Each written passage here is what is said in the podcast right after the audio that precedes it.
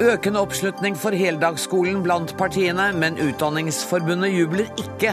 Det er en grense for hvor mye tid barn skal oppholde seg på institusjon, sier nestlederen. Toppsjefen i Telenor gikk av i går og benyttet anledningen til å kritisere ungdommen for å være for lite sultne på kunnskap. Jon Fredrik Baksås er gjest i Dagsnytt 18. Var regjeringen for rask med å kutte formuesskatten? Ny rapport slår fast at vi kunne fått 6 milliarder mer i investeringer hvis en annen skatt hadde blitt kuttet i stedet.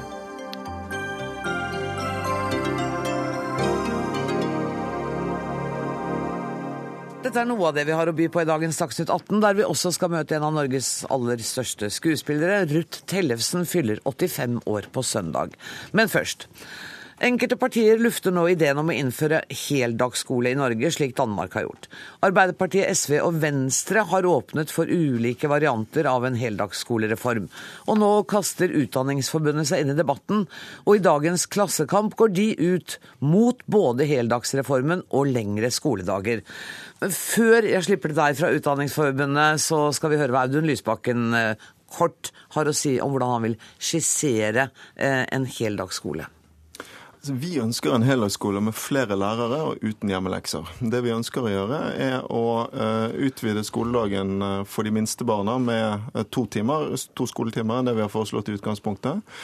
Den tiden skal brukes bl.a. til at de får gratis mat, fysisk aktivitet hver dag, og at vi legger leksene inn i skoledagen sånn at de kan gjøres med lærer til stede.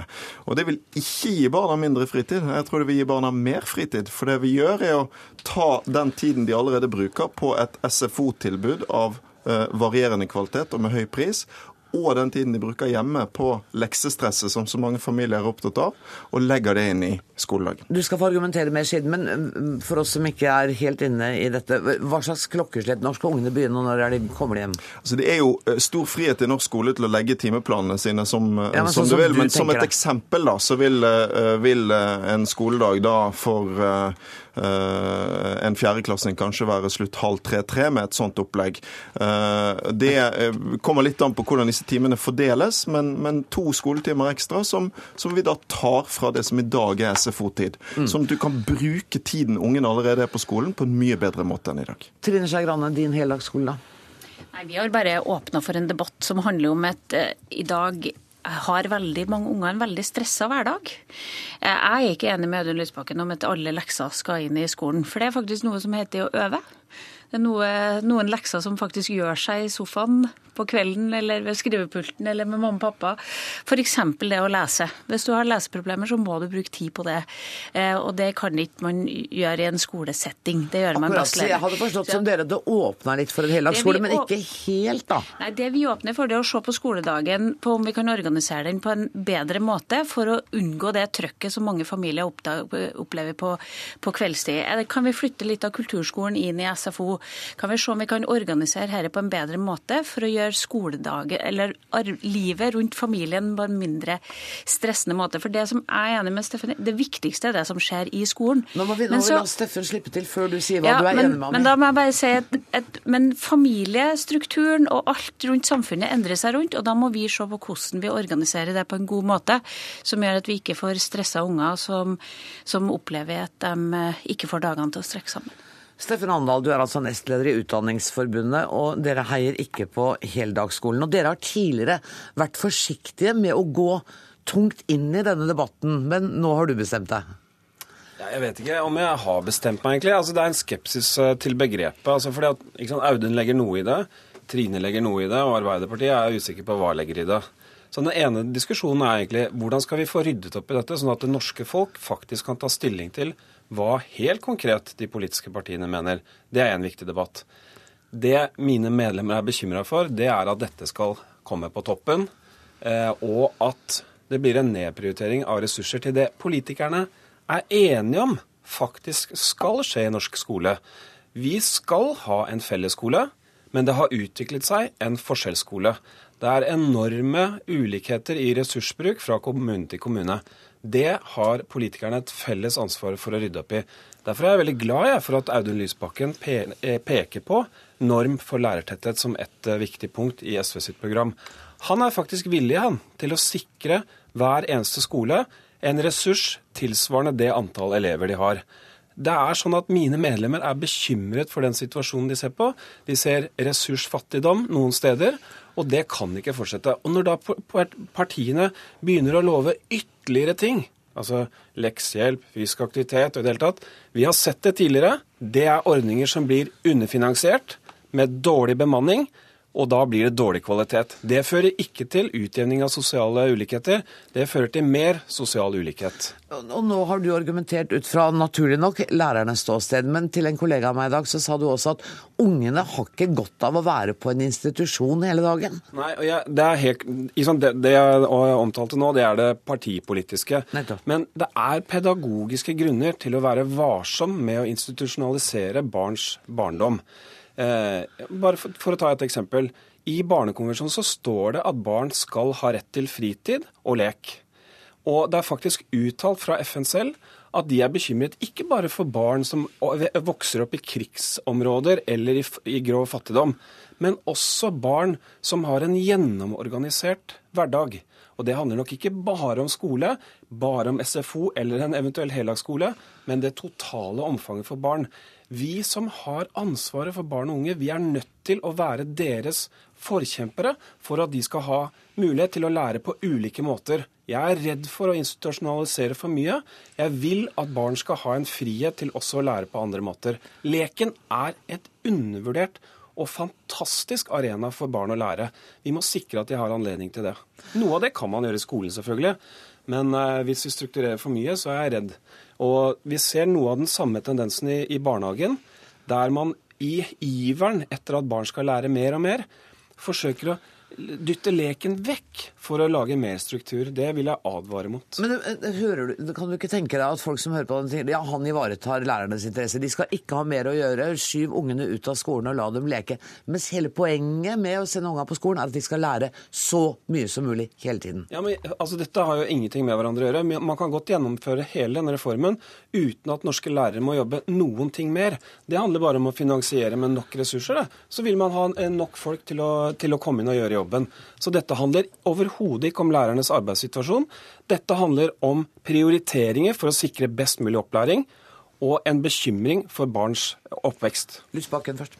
Altså, for det første så, så, vil jeg jo si at jeg, jeg, har veldig stor forståelse for jeg, Utdanningsforbundet sin bekymring, og derfor har SV vært veldig klar på rekkefølgen. Først vil vi ha en nasjonal norm for lærertetthet, sånn at vi får nok lærere i norsk skole. Så innføre heldagsskolen. Det er eh, helt avgjørende for oss.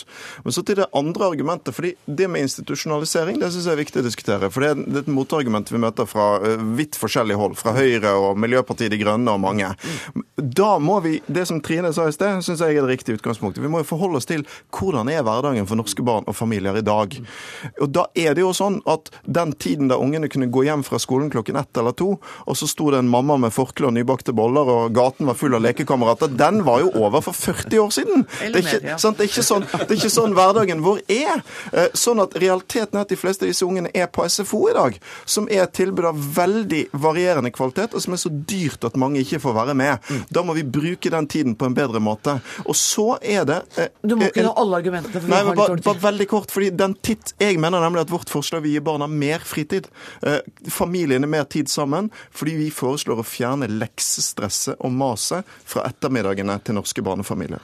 Kristin Clemet, du har skrevet i Aftenposten eh, og reist spørsmålet om pengene kan brukes på en annen måte som kan løse problemene i skolen bedre. Du er ikke noe tilhenger av denne heldagsskolen? Altså, jeg har lurt på dette her i mange år. Jeg har fulgt debatten i Danmark ganske nøye nå. Der er det også uklart hva dette betyr. De skiller mellom heldagsskole og noe de kaller helhetsskole. Men politikerne der har nå innført heldagsskolen. Jeg kan si Ved skolestart nå så fikk faktisk mange politikere, inklusive utdanningsministeren, sjokk over det de så. Over at timeplanen var så lang som den ble, over at innholdet ikke er så bra som de håpet og trodde. De vil jo gjerne fylle det med fysisk aktivitet og med eh, god leksehjelp og med mat og, og med alt, alt dette. Sa, ja. Problemet er at det er, er, vanskelig. Men det som har fått meg til å eh, bli mye mer skeptisk til dette, er den eh, forskningen som er gjort eh, om heldagsskoler. Vi vet ikke nok, man kan alltids forske mer. Men hvis vi ser på hva skulle være formålet eh, med heldagsskole, og det vi hører er litt forskjellig. Det kan være hensyn til familien, at man skal unngå unngå stress. Det kan være hensynet til elevene, at de skal utvikle seg bedre faglig og trivselsmessig. Eller det kan være hensynet til at det eh, er så store forskjeller mellom elevene at vi vil utjevne forskjeller sosialt, etnisk og på ulike måter. Men det forskningen så langt viser, er at heldagsskoler ikke bidrar til dette i det hele tatt. Det er snarere sånn at det like gjerne kan bidra til å gjøre det verre. Så Også kan, når det gjelder sosiale forskjeller ja, og etniske Bidrar ikke til å utjevne forskjeller. Okay. Bidrar ikke til en faglig kvalitetsheving eller trivselsheving for elevene. Det er mulig det bedrer situasjonen for foreldrene, men der vil jeg jo si at eh, det er jo et tilbud nå med SFO. Og det er jo ikke sånn at alle bruker det fullt ut. Hvis man ser variere litt mellom landet f.eks., så er det veldig mange som bruker SFO eller aktivitetsskolen her i Oslo, mens det er mange færre i Nord-Trøndelag som ligger på bånn. Det kan jo være fordi det er litt lettere å leke fritt, for å ta et eksempel der, enn det er i Oslo. Og hvorfor skal man frata barn den muligheten? Og når, når det er så usikre resultater av en heldagsskole, da tenker jeg, for dette vil jo koste enormt mye penger, da ville jeg heller sagt hvorfor ikke ta de pengene og se om vi kan gjøre noe mer målrettet? Og hva mener jeg med det? Det ser ut til, hvis man ser på det Europa, som skolen får større og større problemer med å utjevne sosiale forskjeller. Det er ikke så rart, for man har kommet så langt at det liksom siste stykket Og nå ser man i Europa mange land hvor den sosiale mobiliteten går i feil retning. At eh, mange, en, den økende andel som tar mindre utdanning enn foreldrene sine. Og da er spørsmålet er det lurt å sette inn tiltak mot absolutt alle, slik at de sterkeste overtar arenaen igjen? Eller bør man målrette tiltaket mot skoler, klasser og elever som virkelig trenger det? Jeg tror det er en riktigere vei frem. Jeg har tenkt å gi Trine Skei Grande ordet først. Ja, det er litt sånn som vi har tenkt i, i Oslo-skolen, når vi nå både gjør SFO gratis på de skolene der vi vet at de sosiale utfordringene er store, men der vi også putter inn flest lærere på de skolene der utfordringene utfordringene og de språklige utfordringene er størst. For det er der vi vet at de trenger Vil det utjevne de sosiale ulikhetene? Ja, det mener jeg vil utjevne sosiale ulikheter. Det å bruke mest penger på de elevene som trenger det mest, bruke de beste og flest lærere på de elevene som trenger det mest. Det vil utjevne sosiale forskjeller. Men bare for å nevne et eksempel. Ordføreren som vi hadde i Valdres, han putta kulturskolen inni skolen og slo den sammen med SFO. Eh, dermed kom alle, fikk bruke kulturskole. De som jobba i kulturskolen, fikk jobb på dagtid. Og du fikk et helt annet SFO-tilbud. Det jeg har håpa, er at vi kunne prøvd ut å lage en norsk modell, ikke akseptert den danske modellen. Sånn. Sett om det er ting som i dag vi bruker kvelden til ungene til, som vi kanskje kunne satt inn i en sånn setting som har gjort at du både har fått en meningsfylt, bedre tid til å leke på kvelden, bedre tid med foreldrene, men at du har fått en meningsfylt del som også hadde hatt leik, kultur og Sekundene løper forferdelig fort fort fra oss, så vi må slutte om et minutt. Men Audun Lysbakken, vi snakker jo nå om en skole som stort sett er ganske vellykket.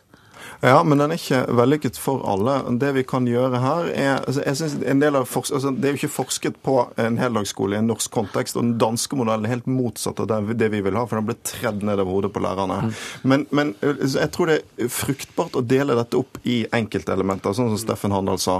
Dette ja, kan gjøre det ti sekunder. Ja, dette med lekser er veldig relevant. sant? Det har vært en sak på radio i dag fra min gamle barneskole, Møhlenpris i Bergen. Der er jo lærerne kjempe for dette, nettopp pga. bl.a. sosial utjevning. Fordi de får en mulighet til, når de får gjøre leksene sammen med ungene, til å følge opp øvingsarbeidet på en helt annen måte, sånn at de nettopp kan hjelpe de ungene som sliter mest. Og lekser vet vi har en sosialt fryktelig skeiv effekt. Så der kan faktisk de fleste familiers ønske om en mindre stressende dag og ønske om en skole som utjevner sosiale forskjeller, gå hånd i hånd. Og da tenker jeg at du skal få siste ordet. Ja, fordi hvis, eh, hvis målet er å utjevne sosiale forskjeller, så må vi ikke tro at skolen kan kompensere for de sosiale ulikhetene som er ellers i samfunnet.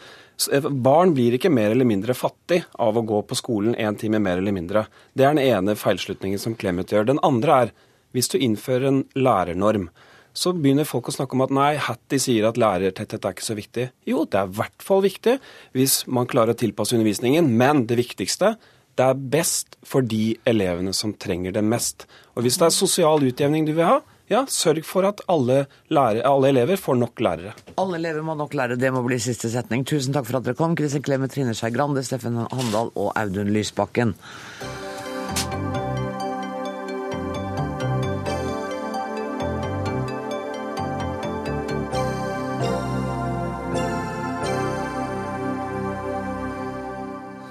Går forlot han kontoret sitt i Telenor, og akkurat nå er han på vei inn i Dagsnytt 18-studio. Han har vært toppsjef i Telenor i 13 år. Overraskende nok benyttet han anledningen i går til å gå i angrep på dagens unge i et intervju i VG. De unge i dag har det for godt og er ikke sultne nok på kunnskap, sier Jon Fredrik Baksås i intervjuet. Siste dag på jobben, og du måtte liksom hadde behov for å sparke litt, da? Nei, jeg har jo ikke det. Men um, Norge er jo et veldig, veldig godt land å, å bo i. Og dette ble jo i, sagt i en sammenheng. For det ble sagt i en sammenheng på hvor nysgjerrig er det norske samfunnet, les også de unge, på det som foregår utenfor Norges grenser. Og Norge har jo uh, trukket lottoloddet så det holder de siste årene, og utviklet oss veldig, veldig godt. Men det må jo ikke få oss til å sette ring rundt oss selv og tro at det der er en evig billett. Vi må også ta og titte rundt oss og se på hva, an, hvilke andre oppgaver som ligger rundt oss i mange andre land, som er uendelig mange, altså. Og der mener du at de, ikke bare de helt unge, men 30-40-åringene også, er for lite sultne på kunnskap om andre deler av verden, f.eks.? Ja, og det går ikke bare på kunnskap, det går jo også på å, å, reise dit, jobbe der, skjønne verden fra et annet perspektiv. Jeg skal ikke gjøre meg til den som forstår disse forholdene bedre enn mange andre. Men vi har jo i Telenor jobbet ganske mye internasjonalt, og vi ser hvilke enorme utfordringer som sitter i andre land, og som er på en rask utviklingsreise. En reise som vi har brukt hele etterkrigstiden på. Og det er klart det at vår rikdom Vi er ikke lenger et bitte lite land i så måte. Vi er et av verdens rikeste land med verdens største oljefond i ryggen. Men singler det ikke litt i det glasshuset ditt når du som eh, 60-åring, meget velstående, har fått alle muligheter og har gjort en kjempekarriere? Hadde jeg vært 19 eh, år og arbeidsløs og hørt på deg, så tror jeg kanskje jeg hadde skrudd av nå, jeg. Ja, men det er greit, det. Men da jeg var 19 år, så var jeg nysgjerrig. Og ikke det at det er en, en, den riktige resepten på hvordan det går seinere i livet, men jeg var nysgjerrig fra øh, å komme fra et gårdsbruk i øh, Nedre Telemark til å øh, dra til USA en sommer, jobbe der. brukte de pengene jeg tjente på et gårdsbruk i Nord-Dakota til å reise mer i USA og dra tilbake til Handelshøyskolen og studere videre. Mm. Så jobbet jeg på Elkem i, ute på Herøya en sommer, og så jobbet jeg på Svalbard en sommer. Eh, og når jeg begynte i Veritas, så havnet jeg i Japan. Og Japan i 82, det var ikke Japan i dag. Eh, det var en reise der vi ble borte halvannet år. Og vi tok det skrittet sammen, jeg og min kone. Og vi hadde en veldig lærerik tid sammen med andre som eh, også så et Asia som ble bygget opp i rekordfart eh, på 80-tallet. Og det skjer nå i våre øvrige av de landene som Telenor er inne i. Da dere kom til Japan, så var det ikke mobiltelefoner? Ingenting. Vi leste Nytt fra Norge, en tynn en veldig tynn avis som kom en gang i uka. Veldig god avis der jeg jobba. Ja. Har det? Ja, den var, den var nyttig, den skal jeg si da. Så, sånn var det. La oss, la oss uh, snakke litt om Telenor. Fordi det er uh, lett å se, og jeg, ser, jeg har googlet deg og sett på noen oppslag, liksom, hva, hva din, ditt lederskap har ført til av inntekter av kompetanseutvikling i Telenor, hvordan du har vært dristig, men ikke dumdristig i investeringer. Og så må vi liksom tilbake til den saken som jo må ha preget deg. Når Stortinget ikke stoler på at det du sier er sant, jeg snakker selvfølgelig om Vipkom-saken, hva gjør det med deg? For det første så må Den første delen av innledningen din nå, den må jeg jo si noe om. For det er ikke jeg som har gjort alt det du sier. Det er vi i Telenor. Det er et helt sett av ledere. Det forstår jeg. Men dog, det er en sjef, og jeg har vært heldig nok til å være sjef i den perioden. Så gikk vi også inn veldig tidlig i Russland, mm. og var der i eh, den liberaliseringsperioden som var veldig interessant. Og så har vi sett mange setbacks eh, på det siden. Eh, det å sitte da eh, og ha en eierandel i eh, VimpelCom og se VimpelCom bli dratt inn i den saken i Usbekistan, det syns jeg er spesielt at jeg må sitte så skolerett for som jeg må. Ansvaret ligger hos administrasjonen. Ansvaret ligger også selvfølgelig i styret, men saksbehandlingen fra styret redegjorde vi for i høringen på Stortinget. Og klart, vi hadde ingenting ekstra i kofferten som vi holdt tilbake. Du har, du, er du dårlig til å be om unnskyldning? Ja, det må du spørre noen av kollegaene mine om, som uh, har fått min unnskyldning. Ok. For jeg så bare at Martin Kolberg i et oppslag sier at han uh, fant det lite troverdig at uh, styret i VimpelCom ikke skulle vite om denne engasjementet i Usbekistan på en annen måte. Hva tenker du når du leser sånn, når, når norske toppolitikere ikke stoler på det du sier? Jeg, kan, jeg har ikke hørt Martin Kolberg si det, jeg har sett det på, eh, på trykk. Sett det på trykk. eh, når det er sagt eh, eh, Når VimpelCom gikk inn i Usbekistan i 2006, så var det styret som da satt der, klart det satte klare forutsetninger på hvordan gjennomføringen av inngangen skulle være. Akkurat som Telenor-styret setter det overfor meg når vi gikk inn i Myanmar. Da er det mitt ansvar som konsernsjef at vi gjør det på en ordentlig måte. Tilsvarende har også Vimpelkoms eh, ledelse i den perioden det ble gjort, et tilsvarende ansvar. Og sørge for at etikken er på plass. Selvfølgelig. Um, tida renner altfor Vi er i våre land. Det er også land vi ikke er i, fordi vi har funnet tilsvarende forhold. La det også være sagt. Nå er du ferdig Telenor. Det ligger en ny fase av livet foran deg. Jeg husker for mange år siden eh, at du lovet å utvikle en eh, telefon som også kunne servere en god gin tonic. Ja, Det tror jeg vel må være helt i tidlig fase. Nede på Sommer-Norge, tror jeg det het den gangen. Ja. Og det har ikke skjedd. Nei, du kan jo få en eh, Det har i hvert fall utviklet seg sånn at eh, oppskriften på en gin tonic, den kan du få nå veldig lett tilgjengelig hvis du eh, vil det også. Gleder du deg til den tida som kommer uten dette ansvaret? Ansvaret er det greit at noen andre tar videre. Det syns jeg det er fair å si.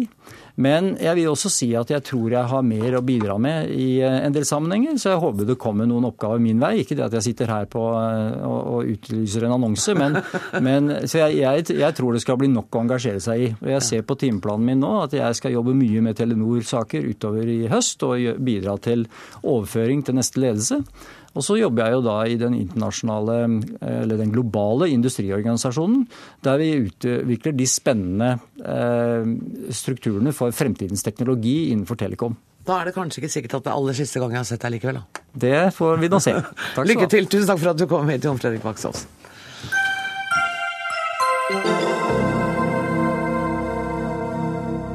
Lokalsykehusene kommer til å spille en viktig rolle også i framtida. Det mener helsedirektør Bjørn Gullvåg. I dag leverte Helsedirektoratet innspill til Helse- og omsorgsdepartementet om endringer i sykehusstrukturen. Og våkne lyttere og seere ser at Audun Lysbakken er kommet tilbake i studio igjen også. Det var koselig at du kunne være her litt til. Men først helsedirektør Bjørn Gullvåg. Du sier altså at lokalsykehusene kommer til fortsatt å være viktige. Men at eh, det kommer til å skje en endring i deres virksomhet. Forklar. Ja, det aller viktigste det er at de norske pasientene får et godt kvalitativt tilbud. Og vi må henge med på kunnskapsutviklingen i verden. På mange områder så er det sånn at den medisinske utviklingen går i retning av at vi kan yte flere tjenester i lokalmiljøene, i eh, lokalsykehusene. Det gjelder for store pasientgrupper som hjerte-karsykdommer, diabetes, kreft, kronisk obstruktive lungesykdommer. eh, Noe som rammer store deler av befolkningen. For akuttkirurgien så er forholdet annerledes. Eh, Mer og mer ser vi at eh, akuttkirurgi blir spesialisert. Det krever en teambasert tilnærming med leger med ulik kompetanse som kan se inn på pasientens problem sammen. Det krever også avansert teknologi i å finne diagnosen, som f.eks. det vi kaller eh, invasiv radiologi. Altså at man kan gå inn med røntgenutstyr inn i kroppen uten at man behøver å åpne opp. I gamle dager så måtte man åpne opp for å finne ut hva det var. Og det er naturligvis en belastning for pasienten. Så når vi snakker om utvikling av tilbud, så er vi veldig opptatt av at den norske befolkningen skal få det beste. Men hvordan har dere tenkt å kombinere dette? Altså denne spesialisttjenesten på de kan vi kalle det, folkesykdommene som du nevnte, kombinert med denne akuttkirurgien?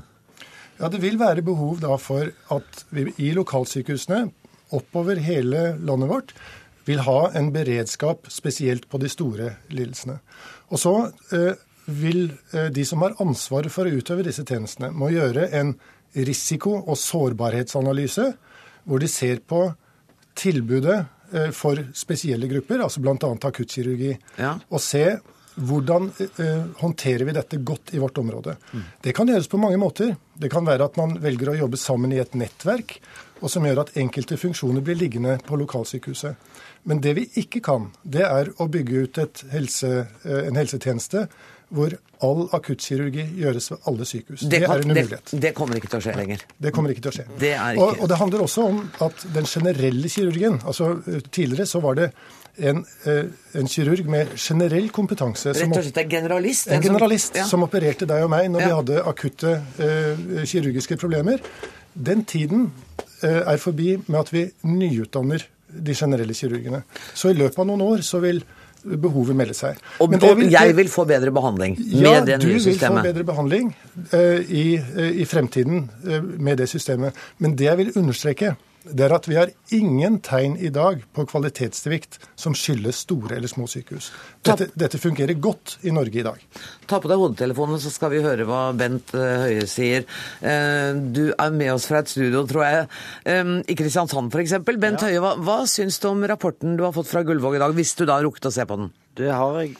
Den er veldig spennende, og den går rett inn i det arbeidet som vi nå gjør med å lage en nasjonal helse- og sykehusplan, som nettopp har som formål at vi skal sikre at vi har en god ryggrad av òg mindre sykehus i Norge for å ivareta eh, tilbud nært der folk bor. Eh, nærhet er en kvalitet, men den kvaliteten må ikke gå på bekostning av eh, kvaliteten i det medisinske tilbudet. og Derfor så må vi sikre oss at vi har eh, en differensiering av tilbudet. og Det er nettopp det vi jobber med nå.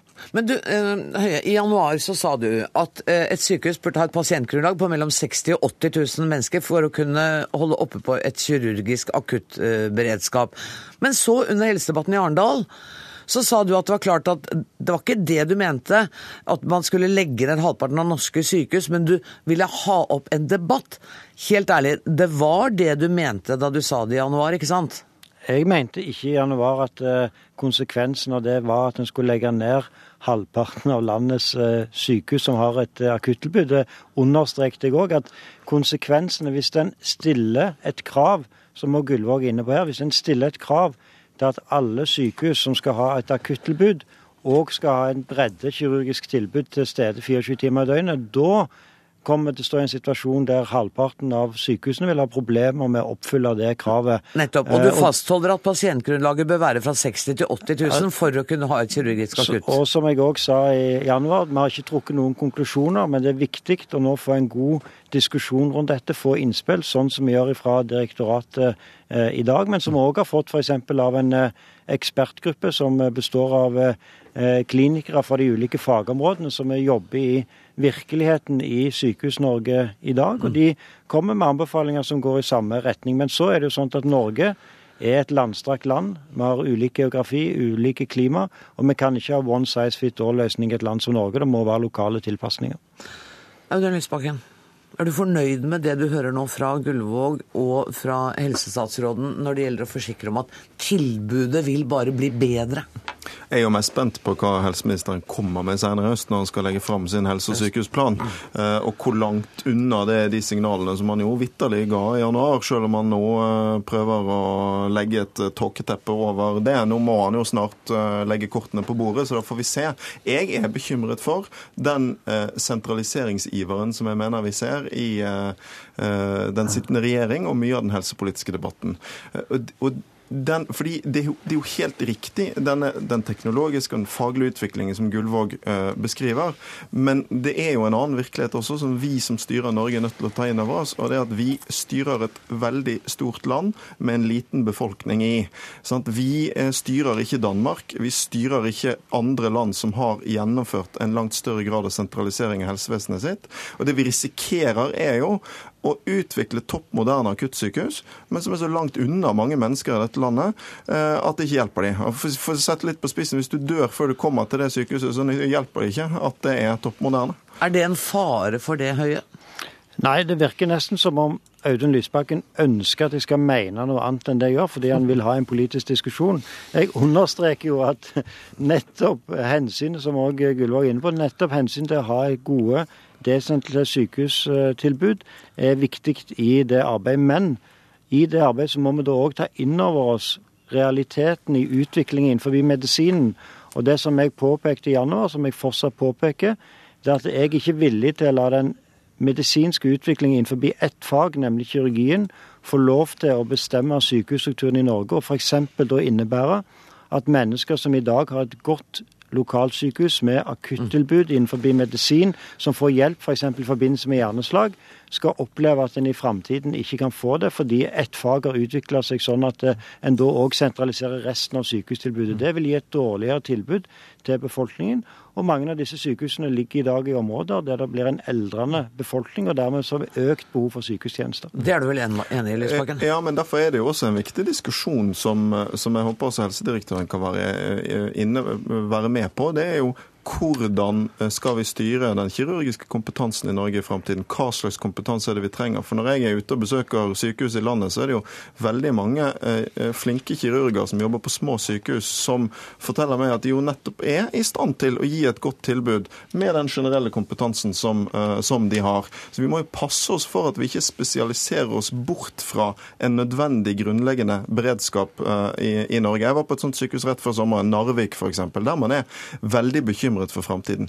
Der er jo realiteten at på kanskje annenhver vinterdag så er ikke det mulig å frakte folk i helikopter fra store deler av den regionen. Så det er klart at skal du ha en, en sentralisering i, i, det området, så vil det få store konsekvenser for mennesker som risikerer å få en for lang avstand til nødvendig hjelp hvis ulykken er ute. Jeg har tenkt å gi siste ordet til Gullvåg. Eh, det må jo ikke bli sånn at vi kvitter oss med generalister som liker den jobben de har, og som er gode på det? Nei, på ingen måte. Og jeg tror at det er flere av disse sykehusene, som også Lysbakken nevner, hvor det er veldig gode leger som i dag gjør en strålende jobb. Men eh, det gjenstår altså som eh, et faktum at eh, utdanningen kommer til å endre seg over tid. Og vi må ta det i betraktning. Men så er jeg da helt enig i at vi må utvikle ulike løsninger for ulike deler av landet. For det er naturligvis andre hensyn også, som har med distanse, beredskap, og andre ting å gjøre. Og om to måneder sitter dere her igjen, for da skal dere diskutere den nasjonale helse- og sykehusplanen som helseministeren skal legge fram. Tusen takk for at dere kom, Bjørn Gullvåg, Audun Lysbakken og Bent Høie.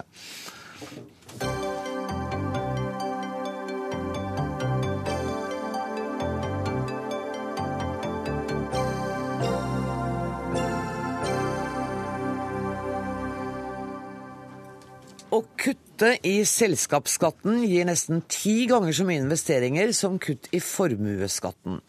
Det var en av hovedkonklusjonene i en rapport finansminister Siv Jensen selv har bestilt, og som hun fikk overlevert i går. Men det er ikke dermed så enkelt at en kan konkludere med at regjeringen har kuttet feil skatt. For små norskeide bedrifter rammes likevel av en formuesskatt som utenlandske eiere slipper. Og hvis selskapsskatten senkes og utbytteskatten økes, så går det igjen utover nystartede bedrifter. Eh, hvis det var noen som hadde litt tungt med å følge med, så bare hold ut litt til, for vi skal få Leo Grünfeldt til å forklare bedre. Partner og forskningsleder i Menon, som er et privat analyseselskap. La oss begynne med denne mye omtalte formuesskatten som regjeringen har kuttet med drøyt 4 milliarder. Har det gitt noen nye investeringer? Ja, det har det. Eh, vi eh, i vår rapport eh, har forsøkt å lage noen estimater på hvor sterke effektene er på norske investeringer, altså i, i Norge, da. Av å endre disse tre skattene som du nevnte. Selskapsskatten, det er dem som går på overskuddet til bedriften. Og utbytteskatten, det er den som blir pålagt eierne dersom de tar pengene ut av selskapssektoren og eventuelt bruker det f.eks. til privat forbruk eller noe sånt. Mens formuesskatten jo er den vi kjenner godt, som den som knytter seg til, til formuen. Og um, den, disse fire milliardene, eller disse, disse, pengene som man har gitt i, i formuesskattelette, de har uh, åpenbart bidratt til økte investeringer. Men så er spørsmålet om de har bidratt til så mye som man ville kunne fått dersom man hadde dratt ned selskapsskatten i stedet. Og da er svaret? Og, der sier rapporten at når vi ser på totaltallet, så er selskapsskatten en mye mer effektiv måte å stimulere til investeringer på. Mm. Men som du nevnte innledningsvis, så er det altså sånn at uh, ved å redusere formuesskatten, så treffer man en del aktører særlig sterkt. Mm. Eh, slik som små bedrifter som, som, ikke har så stor tilgang på f.eks. utenlandsk kapital eller, eh, eller gjeldsfinansiering. Slik. Eh, hvordan slår kuttene i formuesskatten ut for nystartede bedrifter? Altså, også der finner vi at eh, effekten er relativt sterk, men den er ikke så sterk som en, en reduksjon i selskapsskatten heller der. Eh, Men det som er litt spesielt, eh, og som ikke er nevnt så mye tidligere, det er at denne utbytteskatten at den også er viktig for eh, de nystartede små bedriftene. Og det handler om at utbytteskatten den, den eh, skjevbehandler eh, bedrifter som har stor, en stor sannsynlighet for å tape eller gå konkurs. Fordi da får du ikke den såkalte skjermingen, den som gjør at du ikke behøver å betale utbytteskatt. Eh, Den skjermingen får du ikke med deg, og det er den vi henger oss fast ved og sier at eh, den må det gjøres noe spesielt med. Så hvis jeg var finansminister, så burde jeg egentlig se på alle de tre skattene og vurdere hvordan man skulle redusere på alle tre punktene for å få til økt aktivitet. Ja, altså hvis, du bare, hvis finansministeren bare er opptatt av å øke totale investeringer i økonomien, så skal, de, så skal finansministeren gjøre som Scheel-utvalget har sagt, og dra eh, selskapsskatten eh, betydelig ned. Og fokusere på det. Men hvis finansministeren er opptatt av f.eks. å også stimulere til, eh, til eh, små og mellomstore bedrifters eh, vekst, så skal man også se litt nærmere på de to andre skattene. Men gjennomgående så er det sånn at eh, våre resultater viser at selskapsskatten er den som virker sterkest i nesten alle segmenter. Nettopp. Petter Brubakk, du er leder i næringspolitisk avdeling i NHO. En kjernesak kalte administrerende direktør i NHO Kristin Skogen Lund fjerning av formuesskatten. Fjerne, altså en kjernesak. Hva sier dere nå? Jeg sier akkurat det samme, fordi eh, det Leo Grünfeldt nettopp har fortalt oss, er jo at formuesskatten er en skatt som hemmer mange bedrifter, som bidrar ikke minst til at eh, norske eiere har Jo, jo. andre vilkår enn andre. Vi hørte hva han sa, men Han Ja. sa altså At andre ting virker sterkere. bedre. Ja. Det overrasker oss ikke. Det henger godt sammen med eh, hva vi også har sagt om skattepolitikken, nemlig at eh, vi bør gjennomføre en eh, omfattende reform av hele skattesystemet, der vi legger vekt på hva som kan bidra til å øke veksten, bidra til å styrke norsk eierskap, bidra til å sørge for at vi skaper nye arbeidsplasser. Men ikke snakk deg vekk. Dette her var kjernesaken. Dere var helt enige at det var på formuesskatten det var viktig å sette inn støtet. Og så er det jo ikke det, viser det seg. Det gir en liten effekt, men det ville altså vært bedre å bruke på en av de andre skattene. NHO har alltid sagt at det er viktig å se på hvordan vi setter sammen skattesystemet vårt. Jeg tror vi var blant de første i Norge som begynte å snakke om behovet for å senke selskapsskatten. Det har vi argumentert lenge for. For halvannet år siden fikk den samme Kristin Skogen Lund veldig kjeft for å si at selskapsskatten burde senkes til 20 Akkurat det samme som Scheel-utvalget sa et år etterpå. Og så er det utbytteskatten som da også bør ja, og Når man lager et skattesystem, så må man ha mer enn én tanke i hodet samtidig. Og vi mener at sammensetning av skattene fremover blir avgjørende for om vi klarer å bruke skattesystemet, som er noe av det mest virkningsfulle, noe av det som virker raskest, som Stortinget kan bruke, for å få til vekst i en situasjon hvor norsk økonomi slakker ganske kraftig eh, etter. Hans Christian Gabrielsen, nestleder i LO, dette her er jo ikke musikk i dine ører. Altså, eh, skatt er jo heller ingen eksakt vitenskap. Eh, men det, samtidig så er det sånn at det er noen grunnleggende prinsipper eh, som vi mener ligger til grunn. Altså, hvorfor betaler vi skatt? Jo, vi betaler skatt fordi vi skal finansiere vår eh, felles velferd. Vi betaler skatt for at vi skal stimulere til sysselsetting, til velferd, til eh, aktivitet.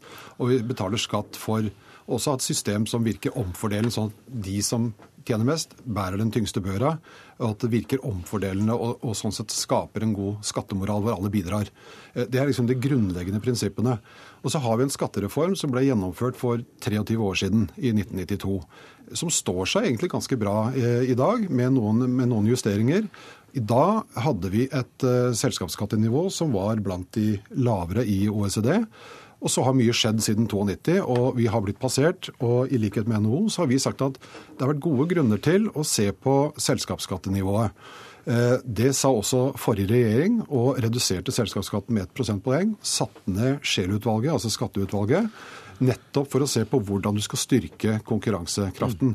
Det som har vært vår bekymring, og som vi har kritisert denne regjeringen for, det er at de under vitende av at Scheel-utvalget var i arbeid, har ene og alene fokusert på kutt i formuesskatten, noe Menon nå har konkludert med at er den minst effektive måten å øke investeringene på i Fastlands-Norge. Men ikke for alle, Grunfeldt, ikke sant? For det er noen eh, altså, gamle, små og middelstore norske bedrifter vil ha en fordel også av en reduksjon i formuesskatten.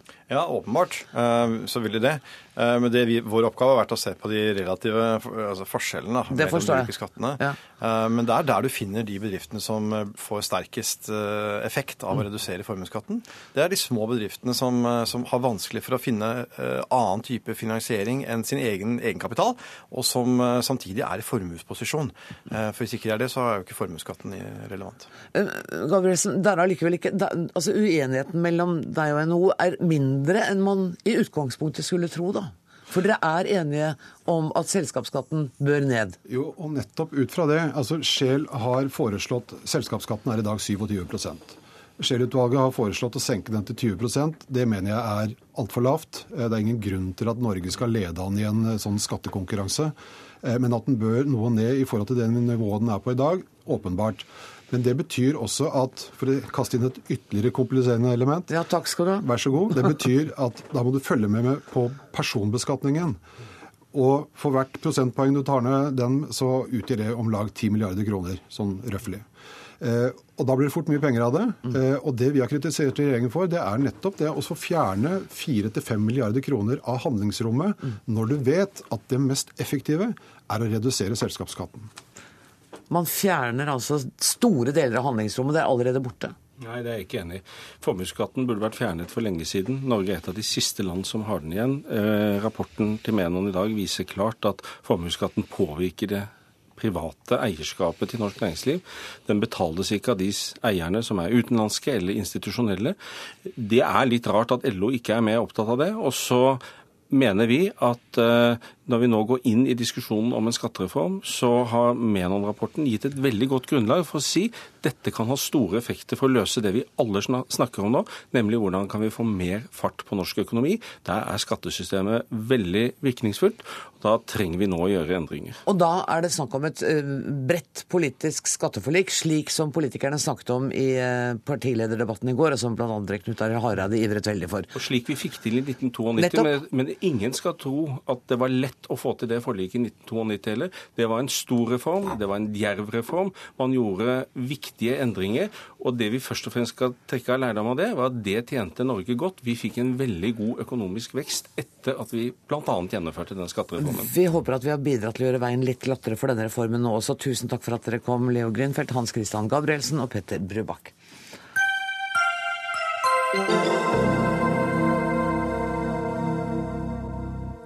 Førstkommende søndag blir det fest. En bærende kraft i norsk teater i 80, er 85 år. Ruth Tellefsen, velkommen inn. Vel, finn deg en stol. Tusen takk for at du kom. Hei! Hei. Du har en mikrofon rett foran deg. Jeg må bare jeg må fortelle litt for deg, for det kan hende at vi har en lytter på 18 år som ikke riktig vet hvem du er. Ja, det kan. Ruth Tellefsen debuterte altså i rollen som Kristin Lavransdatter i 1956, og har siden spilt en lang rekke av de største rollene i norsk film og teater.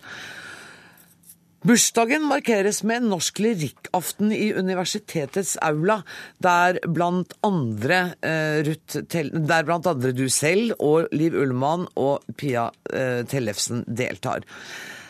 Jeg må aller først si gratulerer med den kommende store fødselsdagen, og så skal vi høre på et bitte lite klipp. Takk. Jeg hadde verken rist eller ro på meg. Jeg syns jeg måtte hit ut og se til lille Eyolf i dag. Og til deg også. Og så kom jeg utover med dampskipet. Om bord traff du kanskje en eller annen god venn? Sånn helt tilfeldig, mener jeg. Jeg traff slett ikke noen som jeg kjente. Har du tenkt på fôr til hestene, eller? Jeg tenner opp varmen i ildhuset, så kan mennene sove der i natt.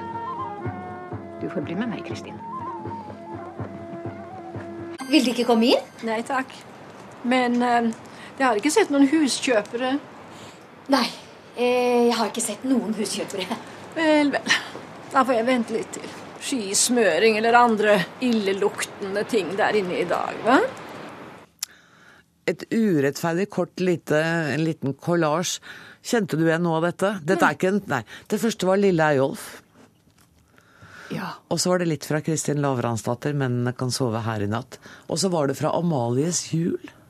Ja, det også. Du, hadde du egentlig tenkt at denne bursdagen skulle forbigås litt i stillhet? Ja. Jeg, jeg våknet en eh, tidlig morgen. Tidlig i år. April-mai, et eller annet sånt. Så tenker jeg jøss, jeg blir jo 85 år. Og jeg har ikke tenkt på det, og ikke tenkt å gjøre noe med det. Så jeg har i grunnen vært litt flink til å finne på litt sånne rare eh, ekskursjoner i forhold til det. Med folk og buffé, holdt jeg på å si. Og så tenkte jeg at nei, men da kanskje jeg burde gjøre noe. Så tenkte jeg ja, ja, jo. Hva burde jeg gjøre? Jo, eh, jeg, eh, jeg kunne jo leie aulaen. Fordi at da jeg kom til Oslo på 50-tallet, så var det aulaen som var storstua i Oslo. Siden har jo både Konserthuset og operaen kommet, og, og dermed så, så er aulaen kanskje kommet litt eh, sidelengs ut i forhold til kulturaftener. kulturaftener. For alt vi hadde da av konserter og kulturaftener, det, det foregikk der. Og jeg, jeg, har jo kjent den og gjort, spilt, gjort ting der. eh, Sammen med andre, og selv og med Kjell Bekkelund. Mye. Jeg hadde mye der. Så derfor så, så er jeg Jeg hadde lyst til å hylle aura, aulaen litt. Pluss at jeg hadde lyst til å hylle det publikummet som jeg ikke har truffet. Som jeg vet at eh, har truffet meg på, på avstand gjennom et helt liv. Eller et halvt liv. og, og det hadde jeg veldig lyst til å takke publikum. Så det er egentlig en, eh, en, en takk. Det er hyllest til publikum. Ja, det er det. Og så har du fått med deg noen venner som skal også stå på scenen. Venn- 14 medarbeidere medarbeidere som har stått på som bare det i nå i uke etter uke etter uke og hjulpet meg med å få dette på plass. For det er mye smått som skal tas hånd om. Og eh, de, vi er altså da eh, det er, det er skuespillere, de fleste. Så er det noen som ikke er det. eh, Og noen som er musikere. Eh, Og alle er venner, mennesker som jeg hadde lyst til å spørre om de ville være med. Og alle hadde veldig lyst. Og Ingen stilt- sa nei. Nei. Ingen sa nei. Alle stilte veldig positivt. Og, og dermed så har det vært et veldig gledesfylt arbeid, egentlig. Sånn at man blir litt rørt over, eh, over det. Akkurat det. Jeg må si, uh, Ruth Ellefsen, at um, for meg så har det vært Fjernsynsteatret som har gjort meg kjent med deg. Ja. Det har vært et stort, et stor favn av roller. Og jeg har bare lyst for jeg husker, Du husker det helt sikkert, men det ble altså bråk av et stykke. Kan vi få lov å spille 15 sekunder fra Ja, ja. 'Elskeren'? Av, Peter. ja. Min kone vet jo, gjør hun ikke? Har jo fortalt henne alt om oss. Hun har da visst det hele tiden. Nei, hun vet ikke. Hun tror jeg kjenner en hore, ikke noe annet. Rent tidsfordriv. Sånn tror hun det. Nå var litt fornuftig da, elskede du. Det var et kort klipp med deg og Lars Nordrum. Kan du huske bråket? Eh, For det er ikke hver dag at eh, TV-programmene blir diskutert i Stortingets eh, talerstol. Det ble det da. Hvordan tok du det? Jeg tror Jeg tror vi syntes det var ganske interessant, da. Fordi at eh,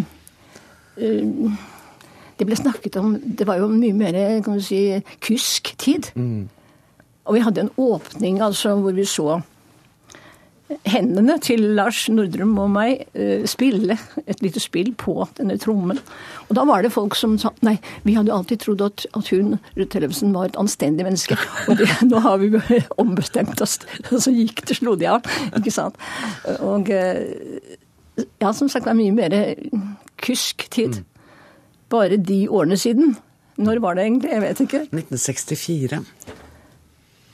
Hva sa du? 1964. Det er såpass Det er såpass lenge siden, du. Så det har jo gått litt tid. Ja. Ja. Og det, men du har det er jo ikke bare fjernsynsteater, det har vært teater, det har vært lyrikkopplesninger. Altså det, er, er det noe kunstnerisk som du tenker 'søren, det har jeg ikke fått gjort'? Um, jeg er ikke helt klar over hva du sa. Er det noe du tenker at søren, det der skulle jeg ha gjort, det rakk jeg ikke? Å ja, ja. Ja, enkelte Ibsen-stykker. Hva Ja, ja, ja. Jeg savnet uh, å spille Dukkehjemmet mm. og Fruen fra havet. Uh, så har jeg spilt noen, da. Men, uh, men ikke akkurat de, og ikke lille Hedvig, som jeg hadde et stort hjerte for som barn. Og ja, men det var jo lyrikken jeg begynte med, og det er den som har egentlig ført meg til teatret. Til teatret. Ja. Og på søndag er det virkelig din scene med dine venner, dine skuespillere og din festdag. Ja, ja. Og jeg ønsker deg så hjertelig til lykke med dagen, og tusen takk for at du kom hit. Tusen takk for at jeg fikk komme.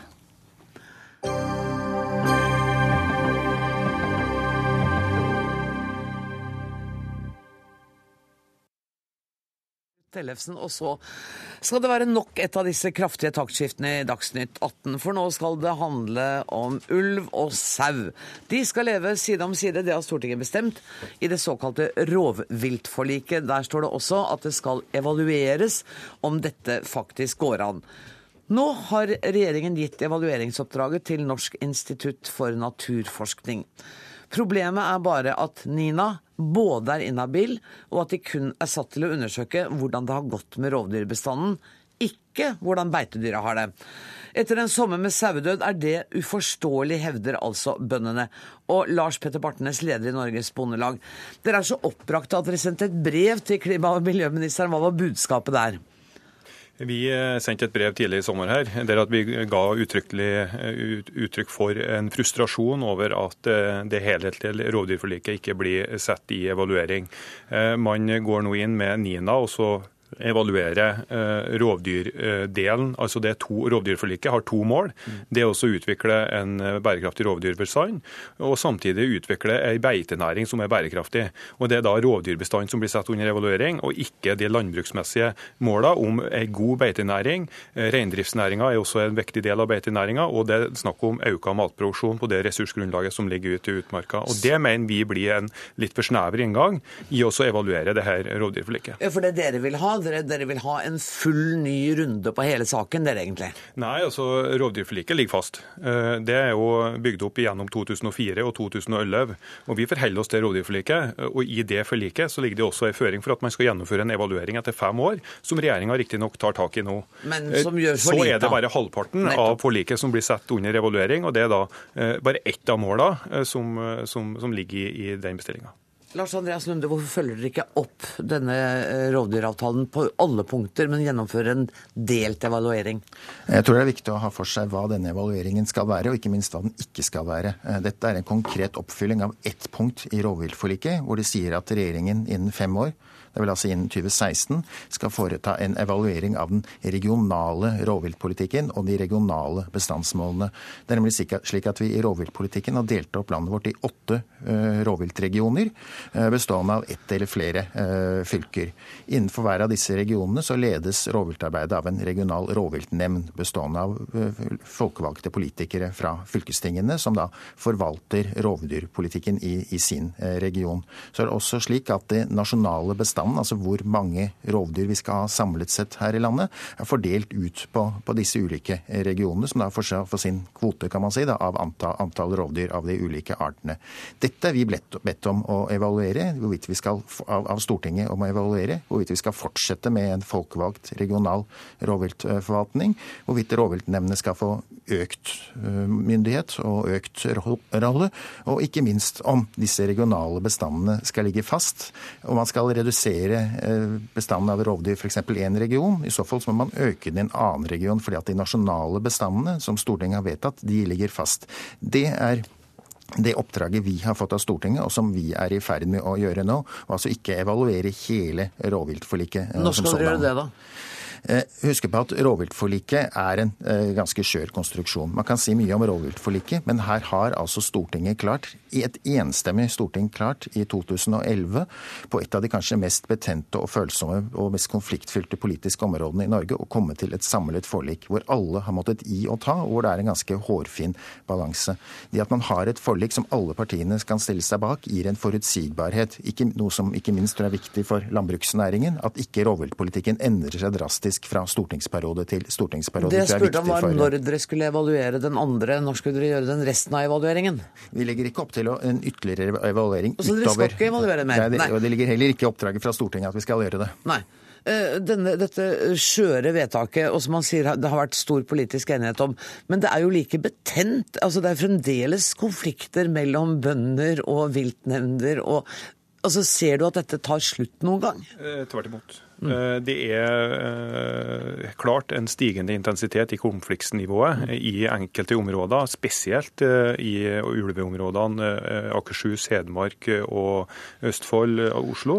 Eh, Men samtidig også i Nordland, eh, Oppland, opplever vi også veldig konfliktsituasjoner.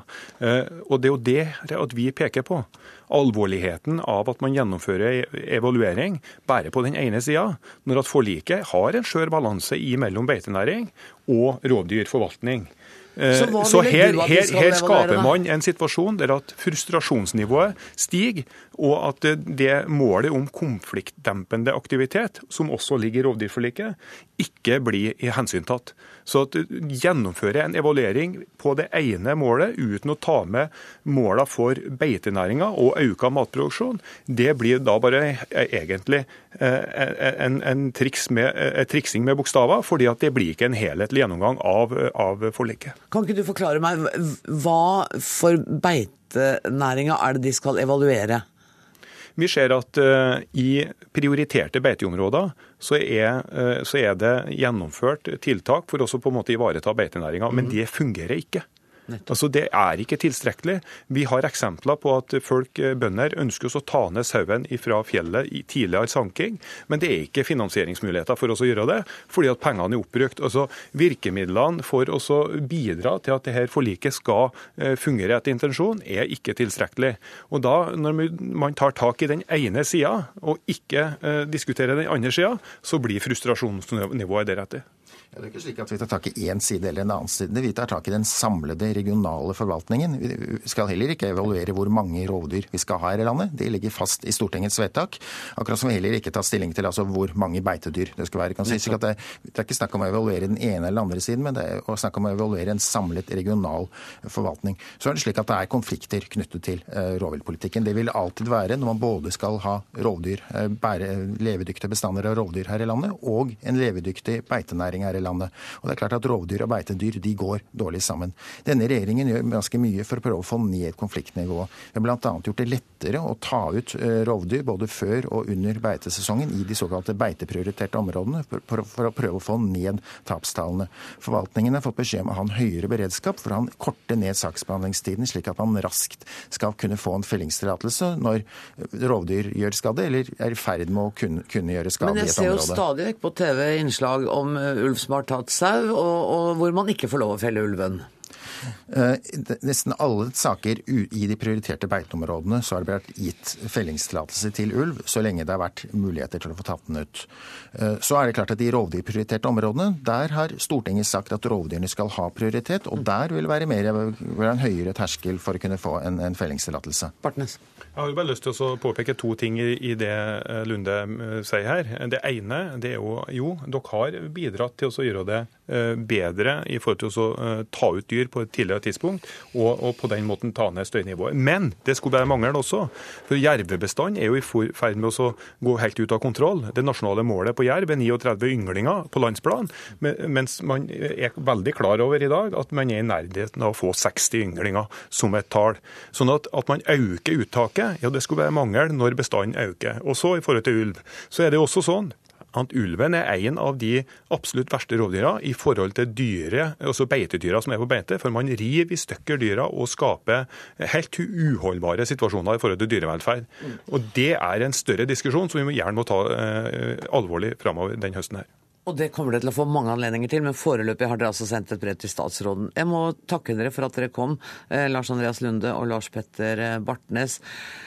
Denne Dagsnytt 18-sendinga er slutt. Ansvarlig i dag var Hege Holm. Det tekniske ansvaret har Finn Lie. Jeg heter Anne Grosvold og ønsker dere alle en riktig god kveld.